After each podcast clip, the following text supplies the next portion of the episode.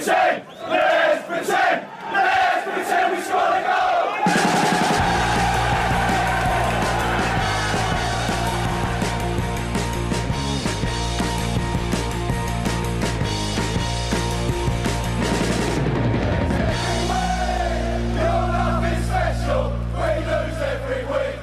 Sportbladets Premier League-podd tillbaka. Det är full rulle borta i England med matcher konstant numer.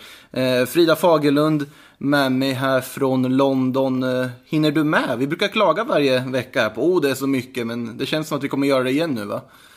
Ja, eh, absolut. Det, det kommer man antagligen göra. Men det är ju inte tråkigt i alla fall. Alltså det känns som att det händer väldigt mycket i varje omgång. Och att man går in med en bild av hur tabellen kommer att sluta inför omgången. Och sen så när omgången är över så inser man att nej, det kan ju hända, hända mycket här. Så att, eh, men man klagar inte. Absolut inte.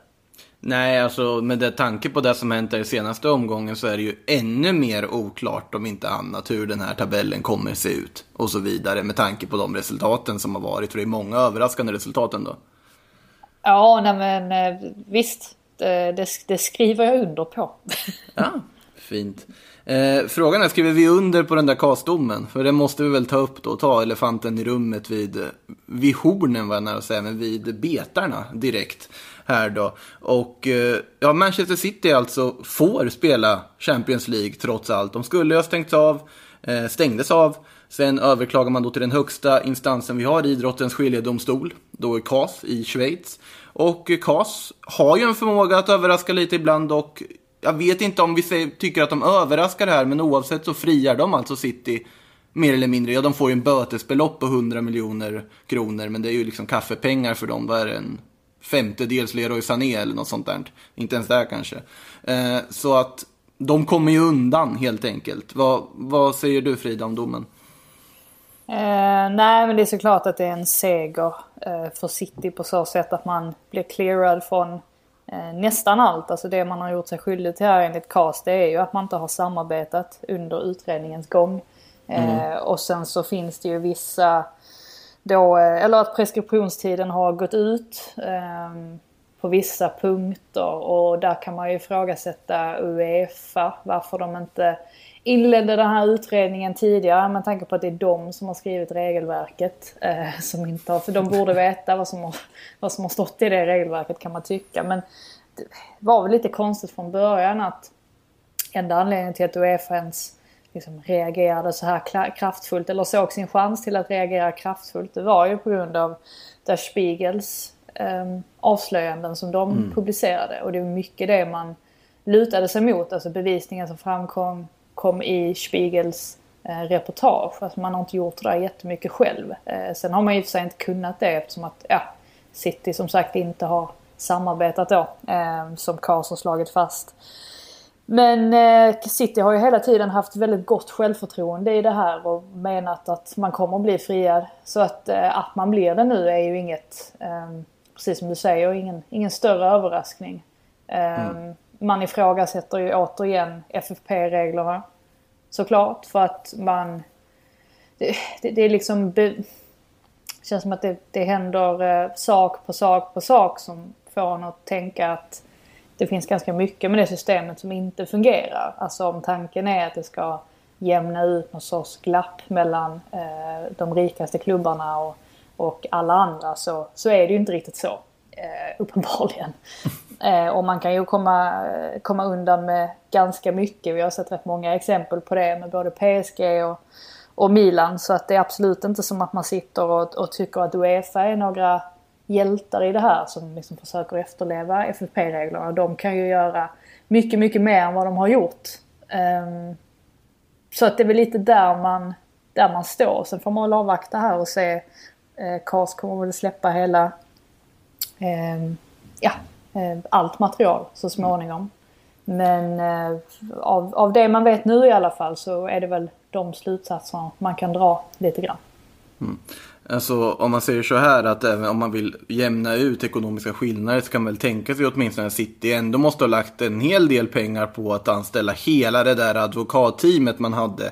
Jag vet inte om du har sett den här videon på när de anländer till domstolen där. Det är en hel grupp, det är en halv stad med advokater liksom verkligen som bara går i grupp rakt in till eh, rättegången då. Eh, fascinerande scener. Man kan ju förstå att en sån stor grupp av advokater, såklart de kommer hitta någon form av paragraf där det liksom brister i den här domen. Eh, och eh, det, ro, eller det roliga vet jag inte, men det lite halvironiska här är väl att Uefa har ju förberett det här ändå så pass länge. De har jobbat med det och väntat så länge. Och att det då faller lite på att det hände för, för, för länge sedan. Så att, ja, de, man får väl hoppas helt enkelt att Uefa lär sig av detta. Om vi säger så, så att i fortsättningen blir så att om du gör fel så blir du straffad också på, på rätt sätt. Men... Äh, det vet jag inte. Men jag tänkte bara säga också att det har varit, eh, alltså det har varit intressant nu under förmiddagen här att följa, för vi spelar in dagen efter. Det har varit intressant att följa presskonferenserna här med mm. reaktionerna från eh, de, olika, de olika tränarna så att säga. Alltså hur de eh, har sett på det. Eh, och, och Pep klev ju ut eh, såklart som en segrare eh, och tyckte liksom att nu är vi rentvådda. Mourinho använde ordet eh, skippa FFP helt. Bättre att öppna upp the circus door.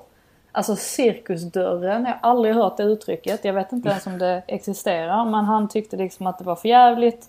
Eh, sen hade vi Klopp som väl försökte på ett mer eh, sansat sätt att förklara att eh, this is not a good och yesterday was not a good day for football, tror jag han sa.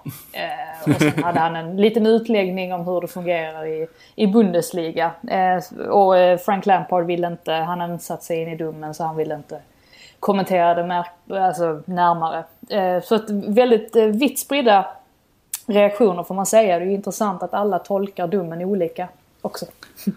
Nej, man har ju inte hört den här från någon annan klubb att men vad roligt att City får vara med så vi får en så stark Champions League. Det är inte jo, riktigt så. Har du det? Jo, Klopp sa det. Alltså han inledde ändå, med att säga ja. att han tycker att det, det, är kul för, eller det är bra att Manchester City får spela Champions League men det var ingen bra dag för fotbollen. Det var så han. Ja. Sen, sen, får man liksom tycka vad man vill om det. Eh, men det var så han sa i alla fall. Mm. Eh, men oavsett vad man tycker om den här domen eller inte så är det ju då klart att City alltså får spela Champions League och det innebär ju väldigt mycket för den här striden som pågår där vid strecken i toppen av tabellen. I och med att nu är ju City där, då är det ju inte någon femteplats som ger någon Champions League mer. Vilket innebär att det blir ju än extra intressant då den här kampen mellan Chelsea, Manchester United och Leicester City som i och med resultaten som blev den här helgen nu verkligen ligger nära varandra i tabellen. Jag tänker att vi kan börja titta på United, för de spelade ju senast här nu under gårdagskvällen. Oavgjort mot Southampton 2-2. Dina tankar kring den matchen? Ehm, att Southampton fortsätter vara väldigt, väldigt bra. Eh, visar än en gång att eh, Harsen-pressen eh, är ett eh, väldigt effektivt vapen. Särskilt när man möter lag då som eh, Manchester United i det här fallet med en startelva som börjar se lite trött ut. De har ju spelat rätt många matcher nu och redan mot Villa här i förra omgången så syntes det lite tecken på att typ en sån som Bruno Fernandes inte satte lika många passningar som man har vant sig vid. Han fortsatte mm. lite grann på det spåret eh, under gårdagen och slog bort en del passningar. Han, han ligger ju alltid på, eh, han räds ju inte att, att slå en, en passning med hög risk. Eh, och det, det, det, det, gör ju ingenting alltså så länge majoriteten går fram till rätt adress. Men eh, det gjorde det inte nu, eh, märkte man. Så att eh, han, han var lite off och jag såg också att Solskjaer hade skrikit på honom vid något tillfälle att han skulle vakna eller ja, någonting mm. sånt. Så att han, eh, jag tror väl alla kände väl att Fernandes har betydligt mer i sig eh, än vad han visade igår. Eh, och detsamma gäller väl rätt många av de andra. Pogba till exempel som tappar boll där eh, när Ings plockar upp den eh, efter att ha, ha pressat väldigt bra. Och sen så är det väl Redmond som får bollen och så skickar han vidare den till Armstrong som kommer väldigt fint. Det kändes som ett väldigt typiskt Southampton-mål. Eh, så att ja, eh, de, de ska nog vara glada ändå United att de får med sig en poäng här för att Southampton såg ju väldigt vakna ut. Men framförallt så eh, börjar det ju bli riktigt spel. Och det gör ju faktiskt att den stora vinnaren den eh, förra omgången då är ju trots allt Chelsea, vilket känns jättekonstigt att säga med tanke på att de gör sin värsta match för säsongen kanske. Eh, mm. borta mot Sheffield United. Men de räddas ju av det här resultatet samt av Leicesters eh, resultat får man ju säga. Ja, alltså de får ju behålla tredjeplatsen. Vi kommer in på Chelsea-matchen där sen. Tänker innan vi lämnar United. Där Southampton får ju kvitteringen där väldigt sent. Genom Obafemi som kom in och gjorde det jättebra också. Man måste ju ställa vissa frågetecken till Harry Maguires agerande ändå på den situationen. Tänker jag. För alltså... Tycker om, du det? Ja, men om man håller ett zonförsvar där. Och inte börjar leta liksom. Om man håller sin zon. Så ska ju inte den där situationen uppstå. Nu kanske man petar lite väl mycket men samtidigt jag tycker så det... Nästan, jag, jag tycker snarare att i så fall att det är ett övergripande Nu ska inte jag säga att jag har sett eh, situationen eh, tio gånger. Jag har sett den kanske två. Ehm, men ja, jag, är inte, jag, jag, är inte uppe på tio heller utan det ska också tilläggas i sånt fall. Men, ja, men så, som jag, så som jag uppfattar det så, um, så gör ju för det första Southampton det väldigt bra i att um, hur är det nu att de kliver ju in, de gör ju så att Van Bissaka i princip stänger vägen för Maguire. Exakt, det blir nästan uh, Maguire typ markerar Van Bissaka. Ja, och då blir Lindelöf i princip helt ensam mm. på bortre stolpen. Uh, och sen är det ju en, alltså, det är, det är en jättebra slagen boll. Den Absolut. är ju perfekt fram till Obafemi. Um, så, så jag, vet, jag vet inte om jag skulle liksom lasta Maguire, jag skulle inte lasta Lindelöf heller. Även om han såklart kan göra det bättre.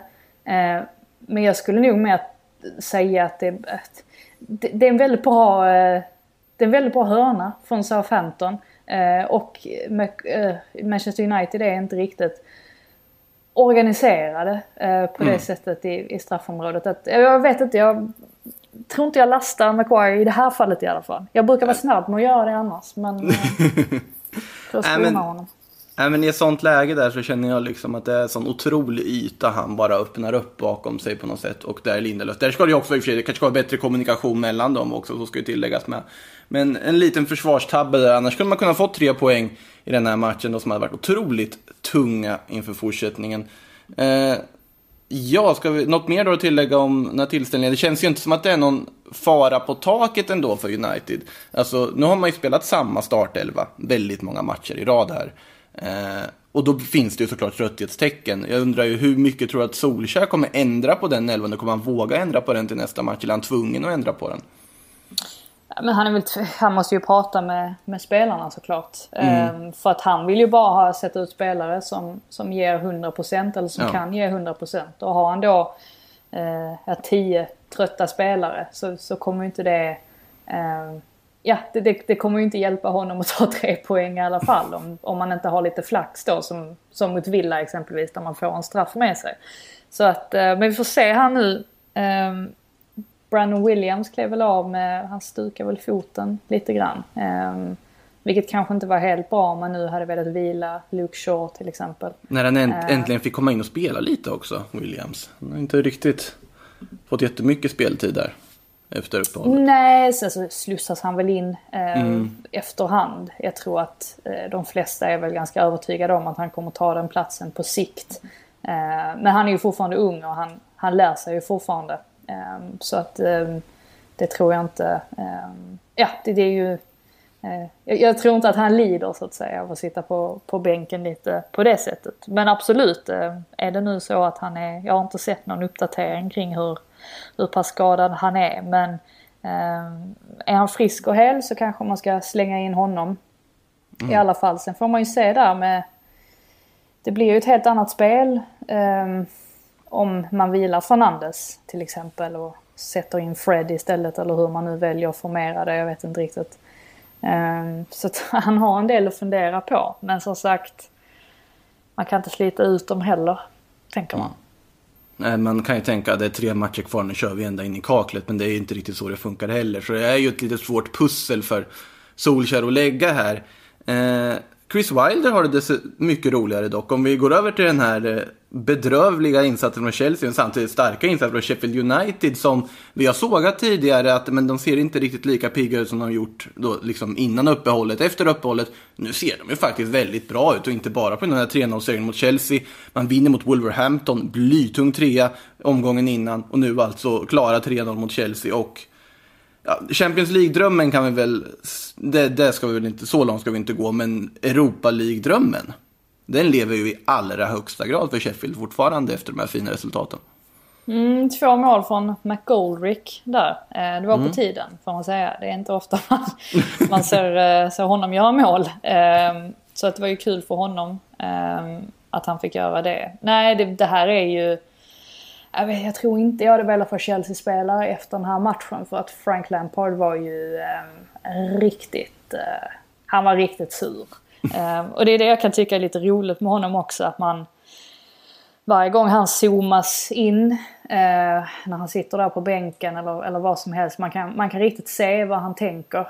Uh, och när han satt där så tänkte han nog att här är ett gäng spelare som inte ska få spela nästa match. Alltså jag tror, jag tror det är så drastiskt att vi får se ganska många skiften här ikväll eh, mot Norwich. Eh, jag kan ha fel förstås, men jag vet inte. Känner på mig att han var otroligt besviken på många individuella insatser. Och det, var ju lite så...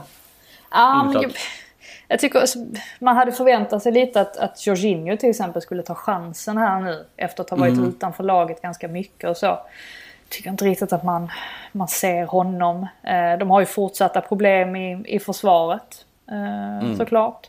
Eh, Abraham var... Alltså det här är ju en sån match där jag egentligen hade trott att Giroud skulle få chansen från start. För att det känns som att han hade passat mer med tanke på att liksom dels att O'Connell är tillbaka nu i deras trebackslinje och att det är väldigt mm. resliga mm. mittbackar. Att det då hade varit mer effektivt att ha honom. Men um, han startade ju med Abraham där och, och, det var väl, var väl inte speciellt lyckat. Han var väldigt osynlig under den första halvleken och sen när Giroud kommer in så väljer man ju att spela två, två där fram och det blir väl lite bättre men det var ju ingen jättereaktion. Och Pulisic uh, har det ju är ganska osynlig han också. William gör ju en bedrövlig match på så sätt att han liksom struntar i sitt defensiva ansvar i princip. Um, lite grann. Så att det var, det var liksom mycket som var dåligt. Um, och just därför så tror jag att... Alltså jag, det, man är inte orolig för Chelsea heller för att man har ju sett sådana här bottennapp, kanske inte till den här graden men matcher som där de har gjort ganska dåliga insatser och sen så kliver de ut i nästa match och sen så vinner de med 3-0 och så har man glömt bort bottennappet. Mm. Det måste komma en sån reaktion idag. Eh, verkligen för att det, det, här var... Nej, det här var ingen bra insats. Och som sagt, jag, eh, jag tror inte att Lampard har varit speciellt rolig att ha att göra med de senaste dagarna. Mm. Det är ju perfekt att få möta ett Norwich här. Med tanke på det också som alltså, har åkt ut, ska vi tilläggas. Norwich alltså utslagna nu på pappret på alla sätt och vis borta ur Premier League efter, liksom, och hamna sist. Men att möta Norwich i det här läget känns ju ändå perfekt för Chelsea. Även om Norwich inte har någonting att förlora så har de inte heller någonting att vinna. Och man, har inga, man har inga ursäkter i alla fall. Eh, Nej, precis. Precis. Eh, man tänker, vi har ju pratat om mitt, mitt låset i Chelsea, vilken som är den bästa konstellationen spel. hade man ju faktiskt Christensen, Kurt Zuma. Som vi ändå pratar om kanske har varit den stabilaste. Det var inte riktigt mycket. Ja, fast det var ju, det var ju innan. Det var ju många matcher sen, höll jag på att säga. De, de går ihop, de går ihop. Det, var, det kändes som det var igår, men det kan mycket väl ha varit tio omgångar sen. Eh, men... Ja. Det var innan Crystal Palace-matchen som jag, jag gillade då. det var där gränsen det har hänt, gick. Det har hänt mycket. mycket där gränsen gick. Mm. Ah, det är bra. Eh, vidare, Sheffield alltså. Viktig 3-0-seger där. Och, eh, men Chelsea kan ju trösta sig med, vi sa ju det, att de går ju ändå på något sätt vinnande ur den här omgången i och med att United tappade ju poäng som sagt, men det gjorde ju Leicester också. Och de tappar inte poäng på vilket sätt som helst. De åker till Bournemouth Bournemouth som inte har visat någon tendens på att klara sig eller göra någonting. Ja, de såg ju bra ut mot Tottenham, men tar inte tre poäng där. 4-1 till Bournemouth, vad hände där? Mm, ja, det är två och en halv minut egentligen som, eh, som fäller Leicester. Eh, där allting går snett. Mm. Och det är ganska ironiskt när man tänker sig att de här två och en halv minuterna kan ju bli förödande för hur deras säsong slutar. Ja. Ehm, det är klart att ingen hade trott att de skulle, eh, eller trott och trott, alltså man trodde väl att de skulle ha, alltså mycket väl skulle kunna slå sig in bland Big Six så att säga. Men det var väl få som hade trott att de skulle ligga trea och sådär under väldigt lång tid. Men de håller ju lite grann på att tappa detta på grund av att de har tappat sitt momentum helt. Och för första gången nu, man kan inte ens tro att det är sant att man säger detta men eh, nu har det ju börjat eh, luftas lite kritik där mot Brendan Rodgers och sättet han har eh, hanterat de här senaste matcherna. Men det är ju ändå Eh, befogat tycker jag. Alltså, det, du måste ju ändå anse när Leicester har levererat, förutsatt att Leicester då inte är ett lag som helt och hållet har överpresterat sett till deras förmåga, så måste man ju också liksom lägga in kritiken när de underpresterar. För nu är det ju snarare en fråga om underprestation, snarare än att de är i någon sorts normaltillstånd. Ja, alltså i här, just den här matchen, det Rodgers gör som man möjligtvis kan ifrågasätta är ju att han plockar av Iheanacho eh, efter paus. Ehm, och då, liksom, då har Iheanacho varit väldigt bra och de kan man ju liksom hävda att det är det som gör att Leicesters eh, ja, initiativförmåga sådär helt plötsligt försvinner. Att man inte får till spelet alls på samma sätt. Eh, Sen tycker jag att många spelare individuellt har gått ner sig också sen, sen återstarten. Att det inte riktigt är samma... Eh, ja, att de inte håller... Det är väl bortsett från Vardy då som fortsätter att göra mål. Men att det inte är samma... Det är inte samma lag som vi såg i höstas helt enkelt. Och när man då radar upp eh, individuella misstag och eh, alltså slarviga sådana och eh, man får straffar emot sig och eh, sen röda kort. Ja men då går det inte. Inte ens mot Bournemouth för att så pass bra kvalitet har ändå Bournemouth i den truppen trots att de har tappat lite tron på sig själva de också. Så att, eh, ja, men man är inte jätteförvånad kanske att de förlorar den här matchen men att det skulle bli 4-1 är förstås väldigt underkänt. Vad säger vi om Soyunkus röda kort och på tal om en spelare som verkligen hyllades innan uppehållet men kanske inte levererat på samma vis efter uppehållet. Nej, men nu ska jag säga en grej som kommer vara väldigt, eh, kanske ganska, vad säger man, impopulärt. Eh, att jag tycker att hyllningarna har varit så överdrivna kring honom. Att han skulle ha varit så fantastiskt bra. Jag tycker snarare att alltså Evans och han har varit ett bra team ihop. Och att Evans faktiskt är den som har stuckit ut mer än vad Soyuncu har gjort. Eh, Soyuncu har ju levererat över sina, alltså över förväntningarna man hade på honom. Alltså så kan man ju säga.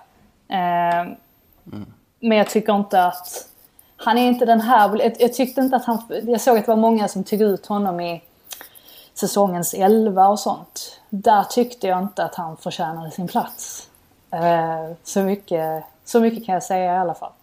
Nu har jag Men- sagt det. Ja, men det, det, det, men det är en intressant diskussion det där. För att såklart Soyuncu har ju hyllats mycket på grund av också att ingen visste vem han var innan.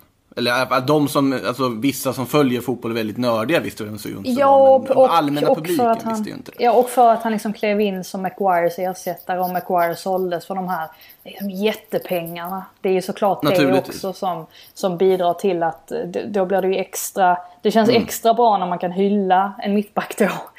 Om det är så att man, Eh, att man, att man har gått in och, och man har gjort att Maguires frånvaro inte har känts av lika mycket som man kanske trodde att det skulle göra från början.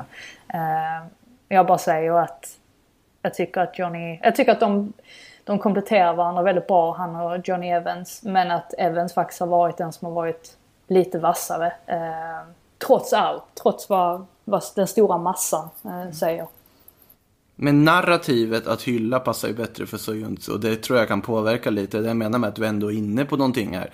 Och det här är också svårt. Man vill ju se, innan man liksom plockar upp Soyuncu som att ja, men det här är en stor back som skulle passa i vilket lag som helst. Så vill du ju se honom hur han fungerar i andra typer av försvarskonstellationer. För att just, just samarbetet mellan mittbackar är så otroligt viktigt just på den positionen också. Att du har två spelare som verkligen funkar med varandra. Det är där man tänker om till exempel, eh, om vi ska ta ett exempel från Spanien, skräll. Eh, Diego Carlos och Jules Condé i Sevilla har ju varit fantastiska båda två och hyllas jättemycket. Diego Carlos kanske främst. Men där vill man ju veta hur hade de fungerat om de spelar med andra typer av försvarare. Jag kan tänka mig att spelare som Condé till exempel, som är lite överallt i banan, skulle kunna bli helt blottad om man spelar med fel typ av mittback. I Sojuntus fall så är det ju naturligtvis att han hyllas som en del av ett kollektiv och narrativet att hylla honom passar bättre än att hylla Johnny Evans. Så att jag, jag håller till viss del med dig ändå. Sen tycker jag att båda har varit fantastiska och att om du ändå tar ut ett årets lag så tycker jag ändå att kvitta lite vem du tar in. Jag kan känna att Soyuncu ändå platsar där dock. Men, eh, Mm. ja, men det är en intressant diskussion om Soyuncu där och hur bra han egentligen varit. Måste ju nämnas också, Dominik Solanke gör mål. Det trodde inte jag kunde ske. Alltså, han har väl inte gjort några mål innan i Bournemouth? Eh, han har haft en eh, väldigt tuff eh, säsong. Ehm, det var nog särskilt tufft för honom egentligen, alltså trots att Bournemouth faktiskt vann den matchen väl, eh, när de åkte till Stamford Bridge. Och han fick se alla sina gamla lagkamrater springa runt där.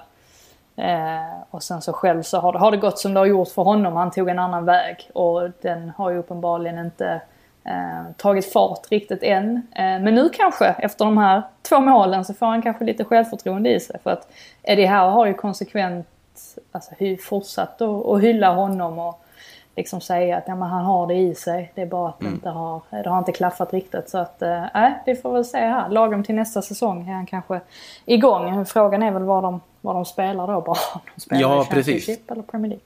Det är ju den frågan också som är lite delikat. Eh, Vi ska in på bottenstriden eh, förr eller senare, men jag tycker ändå att vi tar oss till London-derbyt först och går eh, neråt i tabellen i rätt ordning. Eh, Arsenal, Tottenham-Arsenal, rättare sagt, har det ju varit där på Tottenham Stadium. Eh, otroligt viktig match. På pappret kan man ju tänka att det, ja, men det här är en mittenmatch, men det här är ju två lag som absolut inte är nöjda med sina placeringar, som siktar på Europaspelet, och ett Tottenham som tar tre poäng trots allt. Vad din analys av detta derby? Egentligen att det tar 18 sekunder. Eh, sen har Lukas eh, tystat en del av tvivlarna i alla fall genom att få iväg ett avslut på mål. För det var ett tag sedan innan dess som Tottenham hade gjort det. Eh, det är klart att de har haft en... Alltså de har ju haft en, en bedrövlig period får man säga. Att de inte har fått till... Alltså dels att de inte fått, har fått med sig eh, alltså tre poäng i matcher där de ska få med sig tre poäng för att ha häng på Champions League-platserna och sådär.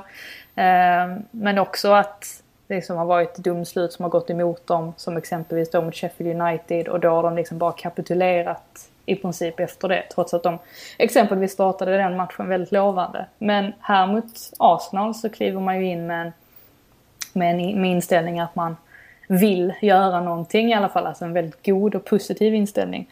Och Harry Kane har ju den här lilla fina lyftningen också ju, eh, som håller på att gå hem men där Martinez är, är bra med och, och räddar bollen ganska tidigt där. Eh, sen helt plötsligt så får ju Lacka var också väldigt märkligt med den här omgången att det var spelare som, ja men dels Solanke då som inte har gjort mål, eh, McGoldrick som inte har gjort mål gör två mål och sen Lacazette då som ofta kritiseras för att vara en nia som inte gör tillräckligt många mål. Helt plötsligt så drar han in en, ja alltså vad ska man kalla Ja, det? men det, där, det där skottet kompenserar ju Ja, för en det mållös säsong tycker jag. Alltså, det, det, Du tycker det, det? Ja, men det är helt sjukt skott. Alltså, jag minns jag satt på redaktionen och jobbade och jag började ställa mig på Gorma och jag bryr mig inte egentligen så mycket om liksom, Arsenal-Tottenham, men vilket skott! Vad pang sa det liksom.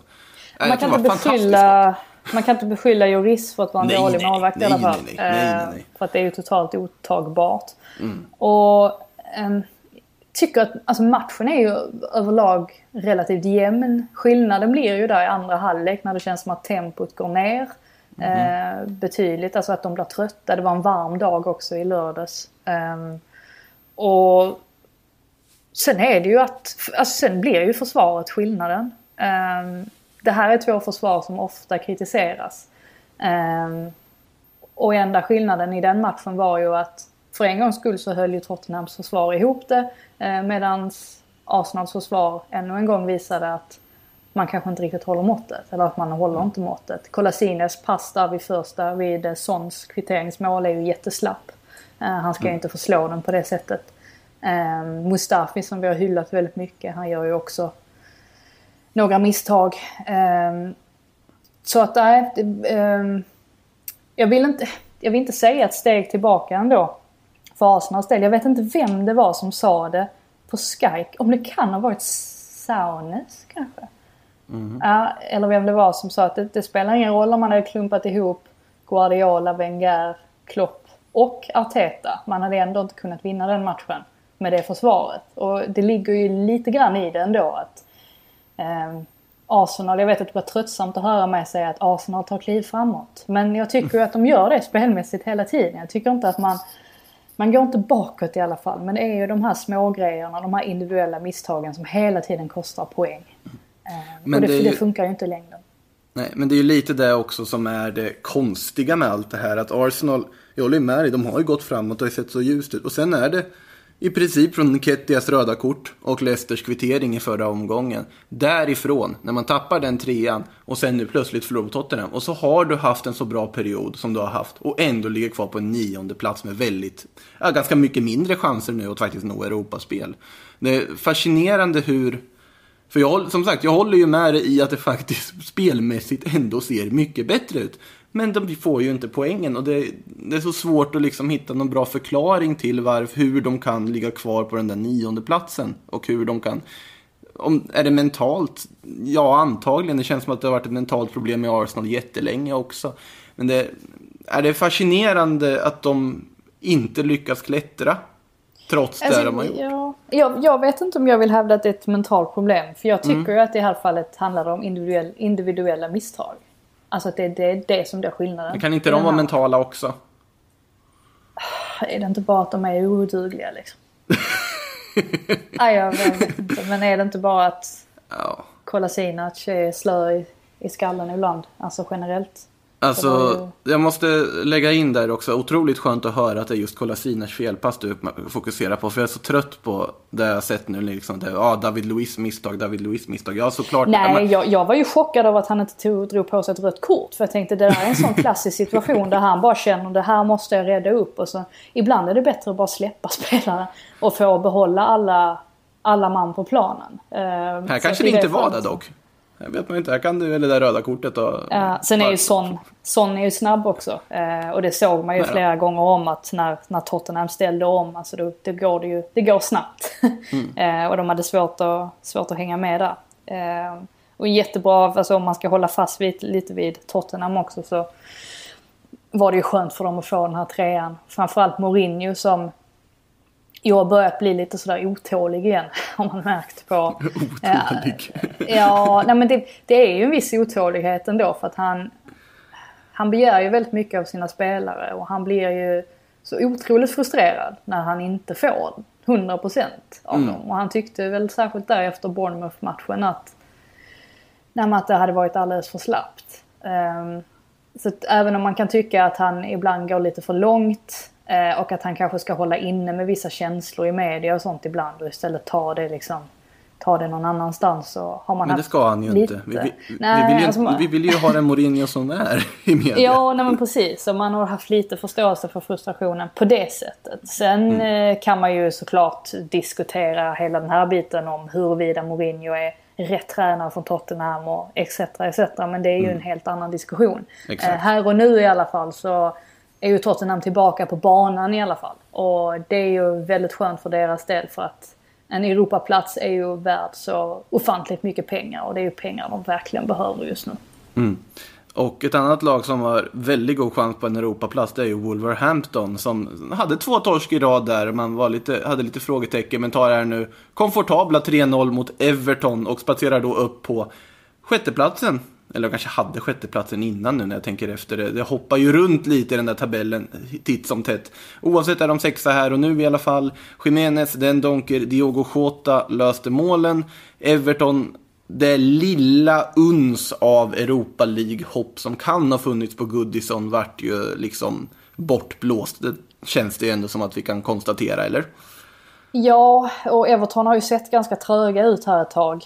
Ehm, och liksom, man vet när det börjar radas upp eh, tweets igen om att Calvert Lewin är tillbaka till, till sitt gamla vanliga jag. Eh, då inser man att eh, det är nog lite trött. Lite trött i Everton eh, just nu. Jag, jag trodde aldrig riktigt att de skulle hänga på egentligen. Jag trodde att det var för många lag som var lite mer färdiga än vad Everton är. Eh, De har ju sina problem eh, på mittfältet eh, framförallt och Ancelotti är ju fortfarande väldigt ny och så. Så att jag, jag tänkte mig nog att de behövde lite mer, lite mer tid. Eh, Sen är det ju fortfarande intressanta namn och sånt som kopplas till, till Everton just nu. Alltså mm. i princip bara tack vare Ancelotti har man ju fattat. Det, vill han ha en spelare så ringer han upp den spelaren och pratar, pratar med den. Eh, och så, så går det typ vägen. Eh, så att eh, nej, eh, Everton får nog ladda om eh, till, till nästa säsong istället. Och, ehm, eventuellt då försöka ta en Europaplats för det, det är väl det som är, är tanken helt enkelt. Ja, alltså en klubb som Everton med de resurserna och om man har Carletto på en tränare och den truppen också att allt annat än Europaplats skulle jag säga är ett misslyckande. Nu har de ju haft en väldigt jobbig säsong och ja, de har inte riktigt lyft supermycket under Ancelotti heller och det här är ju oavsett hur du ser det kommer det vara ett misslyckad säsong. Men jag tror att det finns ju såklart naturligt potential att kämpa om Europaplatserna nästa säsong beroende på vilka som kommer in och så vidare. För truppen är ju egentligen tillräckligt bra för att vara med och slåss där uppe, bara att det inte har funkat helt enkelt. Skulle jag säga. Mm. Eh, vad säger vi om Wolves då? Alltså, kan de blanda sig i striden? Det är ju fem poäng upp till Chelsea, det är ju inte tok mycket ändå. Med tanke på att alla kan slå alla verkar det som också. Ja, nej men det här kan man inte räkna bort någonting. Um, mm. Det känns som att det kan, det kan, kan hända hur mycket som helst. Uh, med tanke på att uh, liksom, det är både formdippar och uh, Eh, sen så är man tillbaka på banan igen så att eh, nej, jag vågar inte säga någonting faktiskt i nuläget. Det, det är klart att de kan, de kan göra det. Dessutom är de ju fortfarande med i, i Europa League också. Eh, alltså i nuvarande upplagan. Så de har ju faktiskt fortfarande chans att ta sig till Champions League på det sättet också. Så att vi får väl se. Ja, vi fick någon fråga, jag blev lite osäker. Hur, hur blir det? Visst är det fortfarande ändå så att femteplatsen ger Alltså, eller det blir fem lag i Champions League. De har inte ändrat det än va? Eller har du koll på det? Alltså om eh, Wolves skulle nej, vinna Europa League. Femteplatsen är ju Europa League och sen är ju sjätteplatsen avancemang till Europa League väl? Ja, nej men för jag tänker om Wolves vinner Europa League, då är det inte så att fjärdeplatsen blir en Europa League-plats väl? Då är det väl fem lag från England som får spela CL? Ja, nej men det, ja, det tror jag För det har ju pratats om att ändra den regeln och sånt, men nu är det ju allting så diffust man knappt vet vilken säsong det är, så att det kan ju bli ännu mer stu, strul och flytt mellan de där strecken, tänker jag, beroende på vad Wolves hittar på. Nu är det ju ganska osannolikt, men det är ju en liten dark horse ändå i Europa League, så jag ska inte helt utesluta att de skulle kunna gå hela vägen. Och känns ju som ett lag som också är byggt för just knockout-matcher på det sättet också. Så det, mm, Wolves Europadrömmar lever i högsta grad i alla fall. Och eh, West Hams drömmar om nytt Premier League-kontrakt lever också i allra högsta grad, får man ju säga. De tar poängen de behöver där borta mot Norwich, som därmed är helt och hållet utslaget ur Premier League. Ska vi börja med att eh, skicka någon sorts farvälhälsning till Norwich? Vi har ju i och för sig gjort det i varje avsnitt, men... Ja, nej, men vi har väl det. Ehm, det är väl inga konstigheter egentligen. Som sagt, de, eller som vi har sagt i tidigare avsnitt, så de spenderade inte jättemycket pengar um, inför den här säsongen. Så att de har det på det torra på det sättet. Eh, vilket nog är skönt för dem att veta att de kan åka ner och det kommer inte påverka saker sådär jättemycket mer än att man har lite mindre pengar att röra sig med. Så att eh, eh, nej, de får ta, ta nya tag. Jag är mest spänd på att se vad som händer med spelartruppen och eh, ja, om Farke blir kvar eh, och sådär. Eh, den typen av grejer. Mm. Och West Ham då samtidigt, eh, Michel Antonio. Fyra baljer. Det man såg att han skulle kunna göra någon poäng eller någonting när han nu får spela anfallare och så vidare. Nu tänker jag så här fantasy Premier League-mässigt att Antonio kändes som en smart pick att ta. gjorde man ju såklart inte. Eh, och gör fyra mål mot Norwich. Det är ändå fascinerande bra. ja, men det får man, det får man lugnt säga. Eh, det är ju, nej med fyra mål, det, det trodde man väl aldrig eh, skulle ske egentligen. Eh, men nej, men fantastiskt för, för West Ham nu att få ehm, ja, men, kunna andas ut till viss del. Det kan man ju inte i och för sig eftersom att alla lagen där nere vann i princip. Men det var ju mm. ändå mm. eh, ja, men, en otroligt tung trepoängare eh, får man säga. Så att eh, väldigt skönt för, för deras del. Mm. Eh, Bournemouth var vi redan inne på tidigare, vann ju också där och som sagt så vann ju alla lagen som slåss kring det där strecket. Watford besegrade Newcastle, vände och vann, vann med 2-1. Troy Deeney kliver fram med två straffmål och det är ju Troy Deeney som ska göra det för dem på något sätt. Oj vad viktig han är. Ja, nej men det är han. Eh och är ju den där tanken också som man behöver i de här Mm. lägena. Ehm, och just det här att, alltså på sättet han slår straffarna, att det är en sån självklarhet. Ehm, det är inte ett uns av nervositet tycker man, utan det handlar bara om att eh, liksom, dundra in bollen. Eh, och man såg Mm. ju verkligen på glädjen där eh, vid andra målet, eh, 2-1, att det var... Eh, det betyder oerhört mycket för dem. Eh, för de känner väl nu att nu kopplar man ändå ett, ett visst grepp. Um, I alla fall så sätter man ju alltså, ofantligt med press på, på Bournemouth här att de måste gå rent samtidigt som då Watford ska, um, ska underprestera. Så att uh, nej, uh, ibland behöver man en, den typen av lagkapten som Troy Deeney verkligen är. Mm.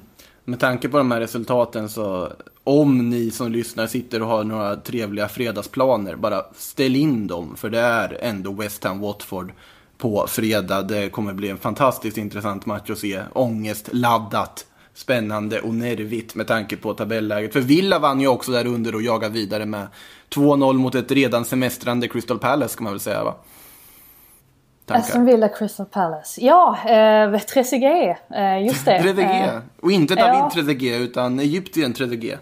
Ja, egyptiska Trezeguet. Eh, får äntligen också göra mål. Det är det jag säger. Det var många som klev fram och gjorde en massa mål.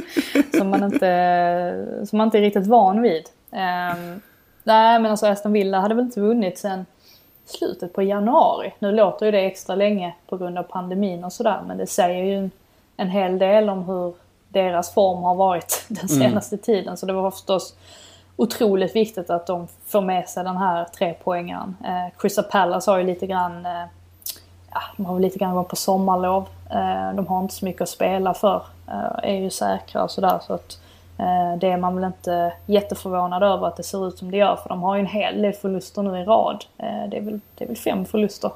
Eh, Ja, det- i rad till och med. Åtminstone fem är det ju. Mm. Jag tänka, Be- Benteke passar väl på att ta ett rött där då i 90 plus 6 för att kunna få lite en extra semester här innan liksom, den riktiga semestern börjar. Att inte bara vara semester på plan också. inte så dumt. Ja. Eh, men man undrar ju nu i och för sig, när West Ham, Watford, Bournemouth, Aston Villa vinner, knappar in. Är Brighton indraget i bottenstriden igen? Nej, men... Nej, men det tycker jag väl inte riktigt. Um... Alltså, för man tänker de har... De har ju Southampton, Newcastle och Burnley är det va? Ehm, nu de tre sista matcherna. Och Southampton är ju... Det är otacksamt att möta dem eh, när de är inne i sån här... eh, I en sån här form. Å andra sidan så är de inte lika bra på St. Mar- eh, St. Mary's som de är på bortaplan känns det som. Så att, ehm, där har man ju en god chans att plocka poäng. Newcastle har ju, har ju sett fina ut um, bitvis sen återstarten. Men har inte heller riktigt någonting att spela för. Detsamma Nej. gäller väl Burnley. Så att jag, jag räknar väl lite med att de kommer klara sig. Jag tyckte det kändes efter segern mot Norwich där att de... Eh, att Graham tillät sig själv att andas ut lite. Så att, eh, Mm. eh, Men vi får väl se. Man, eh, alltså, man vet ingenting känns det som. Det här kommer ju leva ända in i, ända in i slutet. Att de förlorar med 0-5 mot City var det väl i och för sig ingen som kanske hade... Alltså det var ingen skräll direkt att Manchester City går ut och gör den matchen de gör där. Nej, det är väl inte. Och vi, vi har ju sett det lite också att, ehm, att Potter har lite grann, alltså, eller att snarare att eh, de har varit ganska så laid back mot de här lagen som de förväntas förlora mot och så har de gått all in i matcher som de förväntas vinna. Eh, och det kan ju vara ett smart, ett smart koncept kanske. Eh, jag vet inte. Ja.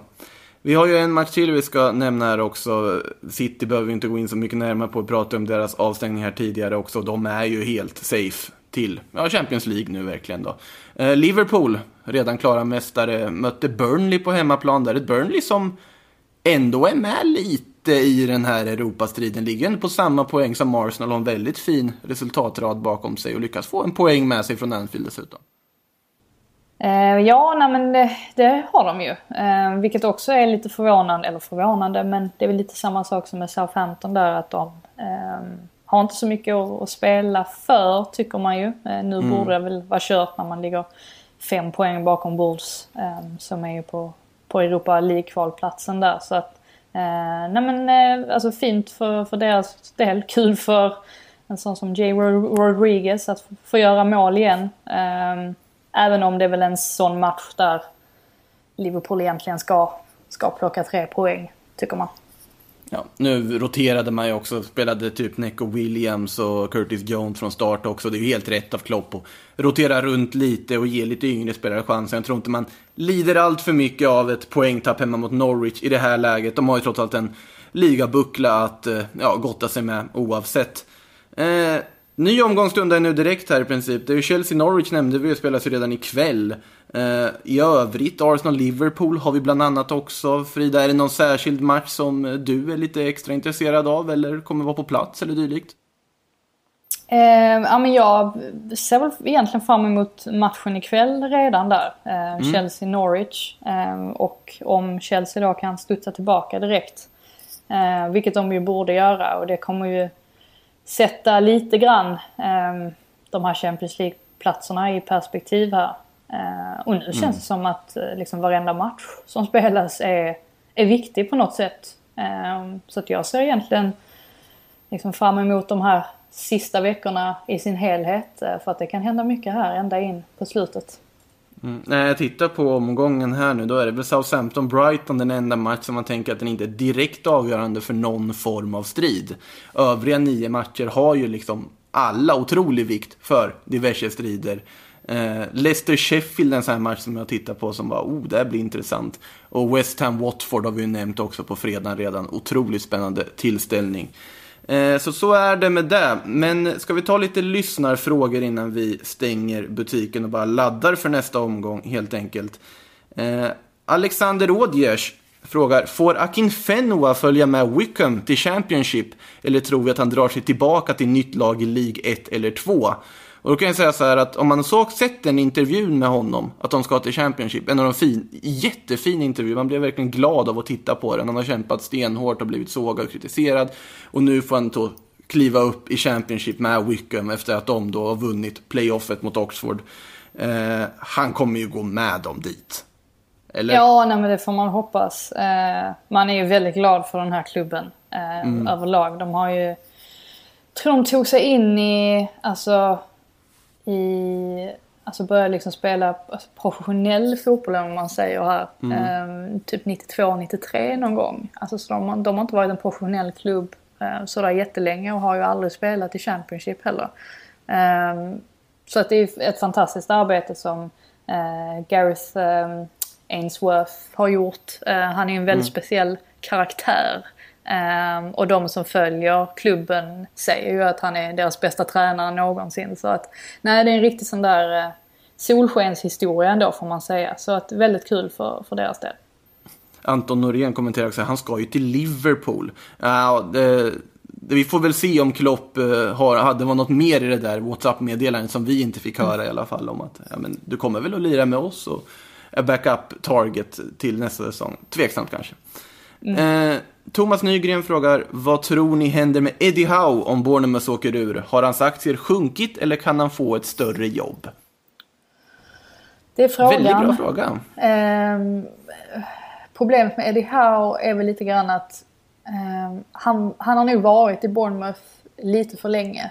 Eh, det, det, är nästan ett sånt där, eh, ja men en, en Pochettino situation där man liksom har eh, har varit på ett ställe så länge att till slut så spelar det ingen roll hur duktig tränare man än är. Uh, man kan mm. inte få ut maximalt av spelarna i alla fall. Och det har känts lite grann som att Howe har hamnat där. Skillnaden mellan Pochettino och Howe är ju att Pochettino hade ju, han har ju bevisat mycket mer i sin tränarkarriär än vad Howe har gjort. Uh, jag tror säkert att han kan få ett, ett jobb om han vill, alltså i någon klubb som, nu är det svårt att säga det är väl egentligen ingen klubb sådär som är i behov. Uh, man tänker Newcastle kanske ska leta tränare och sånt. Men jag tror mm. inte att de kanske kikar på en sån som Howe då. Inte riktigt uh, va? Eh, nej men jag tror ändå att han kan få ett, ett väldigt, uh, alltså ett, ett bra, ett ordentligt jobb så att säga. Jag tror inte att han försvinner uh, alltså bort från den professionella Eh, engelska fotbollen. Eh, mm. Men vi får se här hur styrelsen resonerar. Det kan ju vara så med tanke på vem han är och, och sådär att om de skulle åka ur Championship så, så tar han ett år där också för att det är, det är fortfarande bra, en bra tränare. Så att, mm. det ska bli intressant att se hur, hur Bournemouth resonerar där kring honom. Mm. Du nämnde ju Newcastle. Swedish Magpie frågar hur ser ni på hanterandet av Newcastles ägarbyte från PL som lett till att klubben hamnat i limbo och ingen vet någonting? Det är väl inget nytt att ingen vet någonting vad som händer i Newcastle, höll jag på att säga nästan, alltså med tanke på hur Mike Ashley har styrt det där skeppet under alla år. Men det, man vet ju verkligen ingenting riktigt, för det kändes som att det var klart och sen så har det på något sätt bara ebbat ut under takt med att säsongen nu ska spela färdigt. Va? Ja, jag kan väl tänka mig att Premier League har haft fullt upp med en massa annat. Och sen blev man ju, man kände sig väl pressade när särskilt då Qatar gick in så stenhårt och markerade. Eh, man vill nog se till att göra, ta, fatta rätt beslut här eh, och inte förhasta sig. Så att det är väl antagligen därför det, det drar ut eh, på tiden. Eh, jag har faktiskt inte sett någon uppdatering om det mm. den senaste veckan. Men vi kan väl anta här att så fort säsongen är över så lär man väl antagligen komma fram till något sorts beslut. Mm. Jocke undrar, kommer Harry Wilson tillhöra Liverpools trupp nästa säsong eller kommer han säljas? Det är svårt att se att Wilson har stärkt sina aktier nog för att tillhöra Liverpools trupp nästa säsong. Han kanske lånas ut igen, men jag tror inte han kommer tillhöra laget, eller? Eh, det är lite svårt. Jag tyckte det var rätt... Alltså pandemin har påverkat rätt mycket här. Mm. Eh, för att innan pandemin så hade man väl kunnat tänka sig att de skulle sälja en sån som honom och Grujic också. Um, Sherdan Shakiri till exempel. Mm. Uh, frågan är om det finns klubb, klubbar att sälja till um, just nu. Det är nu det också. Ja, och att det kanske gör att man istället väljer att behålla dem en säsong till och liksom sen försöka hitta någon, någon möjlig lösning. Så att, nej, jag är lite osäker på det, vad som kommer hända dem i nuläget. Mm. Innan vi stänger helt så kan jag väl ta Marcus Nordbergs fråga här också. När kommer Frida Fagerlunds Harry Potter-podd? jag vet inte. Eh, det hade varit rätt roligt. Jag är ju en riktig... Jag kan allt. Nej, jag kan inte ja, men, allt. Alltså, det hade ju faktiskt varit väldigt kul. Och, alltså, med tanke på att vi har ut, alltså, universitet i Sverige som hade Harry Potter-kunskap som kurser.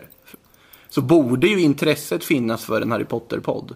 Nu har ju du jag väldigt mycket annat att göra i och för sig. Men... Ja, jag har ju det. Men jag kan ju säga jag har... Um, jag kan um, uh, osunt mycket om Harry Potter. Uh, det kan jag säga. Uh, fantastisk bokserie. De som inte har läst böckerna och, eller sett filmerna, jag blir alltid lika chockad när jag får höra det. Jag tycker det är helt, det är helt sjukt liksom. Ja, men alltså, vi som är i samma ålder ungefär, vi har ju ändå liksom, det har ju varit en del av vår uppväxt. Det är ju en del ja, av det, det som definierar det. liksom oss tidiga 90-talister är ja, liksom nej, men det, det är väl antagligen det. Vad var man liksom? Man var väl typ eh, kanske sex år när första kom ut eller någonting sånt. Mm. Det är ju som att man... Ehm, man har växt upp med dem, ja. Precis. Ja, men precis. Det har ju varit samma ålder hela vägen. Det är lite också som att man i vår ålder ändå tycker om de här Star Wars Episod 1, 2, 3 som kom efter de gamla klassiska. Ja. De är bedrövliga filmer men man älskar dem ändå för att de är liksom en viktig del av ens uppväxt. Ja, jag är likadan. Ja, du förstår vad jag menar. Med den nostalgitrippen så tycker jag att vi eh, tittar mot nuet, tittar mot en stundande omgång i Premier League och laddar för det. Frida, sedvanligt underbart trevligt att prata med dig och önskar dig en mycket trevlig omgång 36 i Premier League Tack, som väntar här nu. Tror det är 36 i alla fall. Ja, det är svårt att veta. Många matcher hela tiden just nu. Ha det gott allihop. Hej då.